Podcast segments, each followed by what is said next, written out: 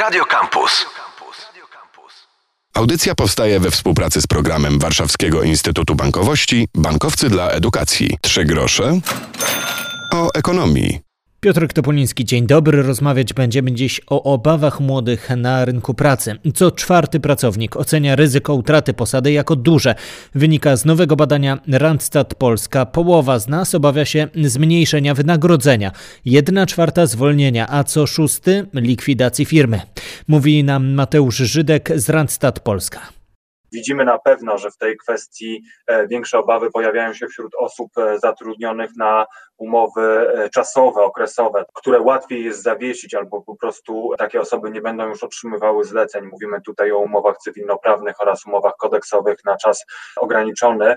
Widzimy ewidentnie, że największe obawy pojawiają się także wśród e, tych branż e, czy pracowników tych sektorów, e, które w tej chwili podlegają w dużej mierze zawieszeniu czy ograniczeniu funkcjonowania. Jeśli mówimy o takich sektorach, to przede wszystkim cała branża hotelarska, gastronomiczna i turystyczna, choć tam też mamy przykłady działalności czy możliwości działalności w tej branży, chociażby zamówienia na wynos mm, i wykorzystanie technologii internetowych czy technologii zdalnych, ale też mówimy o handlu. Proszę zwrócić uwagę, uwagę, że oprócz handlu spożywczego i drogeryjnego, pozostałe gałęzie handlowe są w dużej mierze ograniczone, szczególnie jeśli mówimy o sieciach handlowych. Mówimy tutaj także o sieciach na przykład odzieżowych, które główne swoje lokalizacje miały w centrach handlowych, których działalność jest zawieszona, więc pracownicy tych sieci także e, są w tej grupie, która czuje największe ryzyko, stąd e, pracownicy handlu pojawiali się na pierwszych miejscach w tym badaniu, no bo poza handlem spożywczym i drogeryjnym faktycznie mamy tutaj elementy, które do dotykają handlu w dużym zakresie. Najmłodsi boją się głównie zwolnienia, a milenialsów martwi likwidacja firmy. O sytuacji młodych jeszcze będziemy dzisiaj rozmawiali, a wcześniej przyjrzymy się zawodom, które najczęściej mówią o zmartwieniach, jeśli chodzi o przyszłość mniejszego wynagrodzenia. Najczęściej obawiają się sprzedawcy, kasjerzy, kierowcy, technicy i robotnicy wykwalifikowani. Natomiast te zwolnienia z firmy robotnicy niewykwalifikowani, pracownicy biurowi i administracyjni oraz inżynierowie. Likwidacji firmy, w której pracują respondenci, najczęściej obawiają się mistrzowie i brygodziści, kadra zarządzająca najwyższego szczebla i kadra kierownicza średniego szczebla. Natomiast obaw o swoją zawodową przyszłość najczęściej jednocześnie nie ma kadra zarządzająca najwyższego szczebla 49%, specjaliści 38% oraz mistrzowie i bregadziści prawie 1 trzecia respondentów. E, jeśli chodzi o branżę, największe obawy o mniejsze wynagrodzenie mają pracownicy sektora edukacji, transportu i logistyki, a także hotelarstwa i gastronomii. Natomiast zwolnienia z firmy, branża finansowa i ubezpieczeniowa, przemysł oraz telekomunikacja i IT, likwidacji firm, natomiast hotelarstwo i gastronomia, budownictwo, handel detaliczny i hurtowy. Tych obaw najmniej jest w przypadku pracowników opieki zdrowotnej i pomocy społecznej, a także ochrony i administracji publicznej. 40% badanych w wieku 18-29 obawia się zmniejszenia wynagrodzenia. Widać niepokój wśród tych zatrudnionych na umowy cywilnoprawne. To może trochę optymizmu na pytanie, czy będzie nam łatwo znaleźć pracę po kryzysie. Raczej tak odpowiada połowa badanych. Mowa jednak o jakiejkolwiek pracy. W grupie najmłodszych pracujących 18-29 to o te lata pytamy. 83% odpowiada jakakolwiek praca jest do znalezienia, a 61% odpowiada, że taką samą albo lepszą uda się znaleźć. Hotelarstwo i gastronomia to tu panują obecnie najgorsze nastroje. W audycji rozmawiamy dzisiaj o badaniach poświęconych nastrojom na rynku pracy, a branże, które nie pracują i obawiają się jutra, są w tej najgorszej, najtrudniejszej obecnie sytuacji. Pracownicy, jeśli się obawiają, to głównie obniżenia pensji, ewentualnie utraty posady lub likwidacji firmy. To trzy obawy, o które pytał Randstad Polska w swoim najnowszym badaniu. My teraz skupmy się na sytuacji młodych na tym e, rynku pracy? Czy należy szukać nowego zajęcia? Co jeśli ktoś nie miał e, poduszki finansowej, a obecnie czasy są trudniejsze niż nam się to jeszcze wydawało dwa miesiące temu? Łukasz Komuda, ekspert Fundacji Inicjatyw Społeczno-Ekonomicznych, redaktor portalu rynekpracy.org. Jak szukać teraz pracy? Wiem, że rekrutacje dalej się odbywają. Oczywiście odbywają się głównie zdalnie i y, są wideo rozmowy i tak dalej, rozmowy telefoniczne z e, pracownikami. Nikt nie wie, kiedy to wszystko wróci do normy. Popatrzmy na to, jak sobie poradziły z pandemią kraje, które już sobie z nią poradziły, czyli Chiny, Japonia i Korea Południowa. Tam wprowadzono y, środki takiej totalnej izolacji, y, totalnego jakby zamrożenia wszystkiego, ale nie tak jak u nas na pół gwizdka. Jeżeli w tej chwili pracownicy handlu na przykład pracują w niedzielę i pracują do północy, de facto wystawiając się na to, że sami zostaną zainfekowani i przekażą tę infekcję dalej i całe grono pracowników dalej pracuje. Gdyby to zamożenie było całkowite, to można byłoby oczekiwać, że to będzie 4-6 tygodni. Natomiast no, to jest bardzo radykalny krok, więc my robimy coś w rodzaju y, takiego pośredniego rozwiązania pomiędzy nic nie robieniem, a robieniem takiego właśnie wojennego scenariusza, czyli stawiamy na to rozpłaszczenie tej krzywej zachorowań, co też oznacza, że ona się rozciągnie, że ta, ta infekcja się rozciągnie w czasie. To nie jest tak, że możemy postawić duże pieniądze, że za 6 tygodni będziemy wszyscy normalnie funkcjonować w te, dotychczasowej tej rzeczywistości przedpandemicznej. Na to bym nie liczył niestety. Wielu młodych teraz nie ma zleceń, nie pracuje. Jak wykorzystać ten czas, radzi Mateusz Żydek z Randstad Polska to jest dobry moment, żeby starać się zwiększać swoje szanse na rynku pracy. Być może też, i musimy to też powiedzieć wprost, w niektórych przypadkach będzie to wymagało dostosowania się do tej sytuacji, czyli na przykład przebranżowień.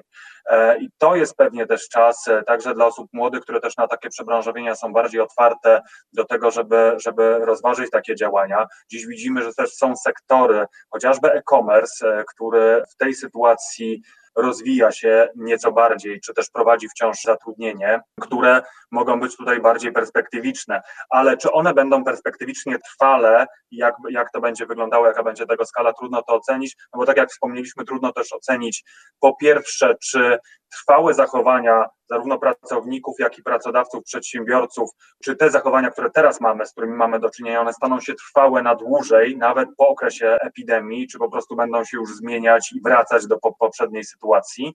Pewna aktywność, e, która w tej sytuacji na rynku pracy e, może być pomocna dla młodych ludzi, zresztą dla każdego pracownika, czyli szukanie swoich możliwości i szans, nawet jeśli e, teraz no właśnie w dobie chociażby czy w sytuacji braku e, poduszki finansowej to dobre rozwiązanie, ponieważ wciąż jednak firmy w pewnym stopniu rekrutują. E, jeśli chodzi o odpowiedź, jakie firmy rekrutują, gdzie się pojawiają te możliwości, to cały czas oczywiście mamy zgłoszenia e, z sektoru handlu, szczególnie tutaj mówimy o handlu spożywczym, zarówno hurtowym, jak i detalicznym. Mamy tutaj także całą branżę, która wspiera e-commerce, e, handel elektroniczny, czyli bardziej mówimy tutaj o logistyce, e, ale też e, jak obserwujemy bardzo podobnym, niewielkie zmiany następują w przypadku na przykład stanowisk księgowych, finansowych czy stanowisk IT. Część firm faktycznie odpowiada w ten sposób też na pewne braki kadrowe, które wystąpiły w związku chociażby z opieką nad dziećmi po stronie pracowników i tutaj jest potrzebne zapotrzebowanie takich pracowników wspierających w tej sytuacji. W wielu branżach zastój. Część pracuje z domów. Niektóre firmy będą rekrutowały, niektóre upadną, a w niektórych sytuacjach potrzebne będzie przebranżowienie. Rozmawiamy o obawach Polaków na rynku pracy. Jak zauważają autorzy z Randstad Polska, handel zatrudnia, rośnie e-commerce, logistyka, księgowość, usługi IT. Jednak części pracowników grozi obniżka pensji albo zwolnienia. Jak mówi Monika Fedorczuk, ekspert rynku pracy Konfederacji Lewiatan, rządowa tarcza antykryzysowa to rozwiązanie dość nowe, którego efekty poznamy za jakiś czas. Powstają też nowe przepisy 2.0 i uzupełnienie tego, co już zostało uchwalone. Nasi pracodawcy występują zarówno do ZUS-u, jak i do resortu rozwoju przedsiębiorczości, resortu pracy z prośbą właśnie o interpretację, o rozszerzenie, o objęcie czy to zwolnieniem ZUS-u firm zatrudniających powyżej 9 e, osób, czy właśnie o objęcie zapisami tarczy pracowników tymczasowych. Jak będą wyglądały zwolnienia grupowe? Liczba tych zwolnień, tempo tych zwolnień będzie zależało od tego, co będzie w tych interpretacjach, co będzie w tak zwanej tarczy 2.0. Pracodawcy wcale nie są tak skłonni zwalniać natychmiast, oni też czekają, co będą mogli zrobić.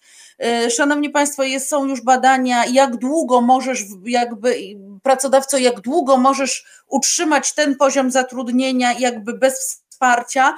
No i te badania wskazują, że wielu pracodawców mówi miesiąc, tak? Część mówi trzy, część mówi nie mam poduszki finansowej, to oczywiście zależy od branży, zależy od wielkości firmy, ale ta pomoc jest potrzebna, no i od tego, jak ta pomoc będzie wyglądała, też zależy y, to, ile osób będziemy mieli za moment zarejestrowanych e, jako bezrobotnych. Tu też gdzieś widziałam pytanie, jakie są prognozy dotyczące bezrobocia. No, szanowni Państwo, wchodziliśmy w tą sytuację mając mniej więcej 850 tysięcy bezrobotnych. Sama branża pracowników tymczasowych to 700 tysięcy. To jest branża, która nie dostała żadnego wsparcia. Mamy w kryzysie branżę szeroko rozumianej turystyki, eventów, paradoksalnie częściowo również edukacji, chociaż tutaj nie wyszło, bo większość edukacji to edukacja publiczna, ale nie wiem, branża ochrony chociażby. Nie ma wszystkich wydarzeń, ci pracownicy nie mają pracy. Wszyscy fryzjerzy, kosmetyczki, cała branża beauty.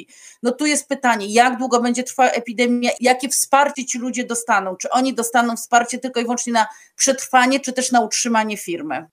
Przypomnę tylko, że w ramach tak zwanego pakietu dla studenta, studentom i rodzinom, które straciły źródło dochodu oraz doktorantom, którzy rozpoczęli swoje studia jeszcze przed październikiem ubiegłego roku, przysługuje zapomoga z funduszu stypendialnego. Można będzie też prosić o zwolnienie z opłat z akademik lub poprosić o czasowe zawieszenie opłat za studia, zwłaszcza gdy nie ma zajęć zdalnych. Więcej na ten temat możecie przeczytać na przykład na stronie Parlamentu Studentów Student sam w domu. Tak nazywa się wydarzenie na Facebooku, o którym rozmawialiśmy zresztą ostatnio.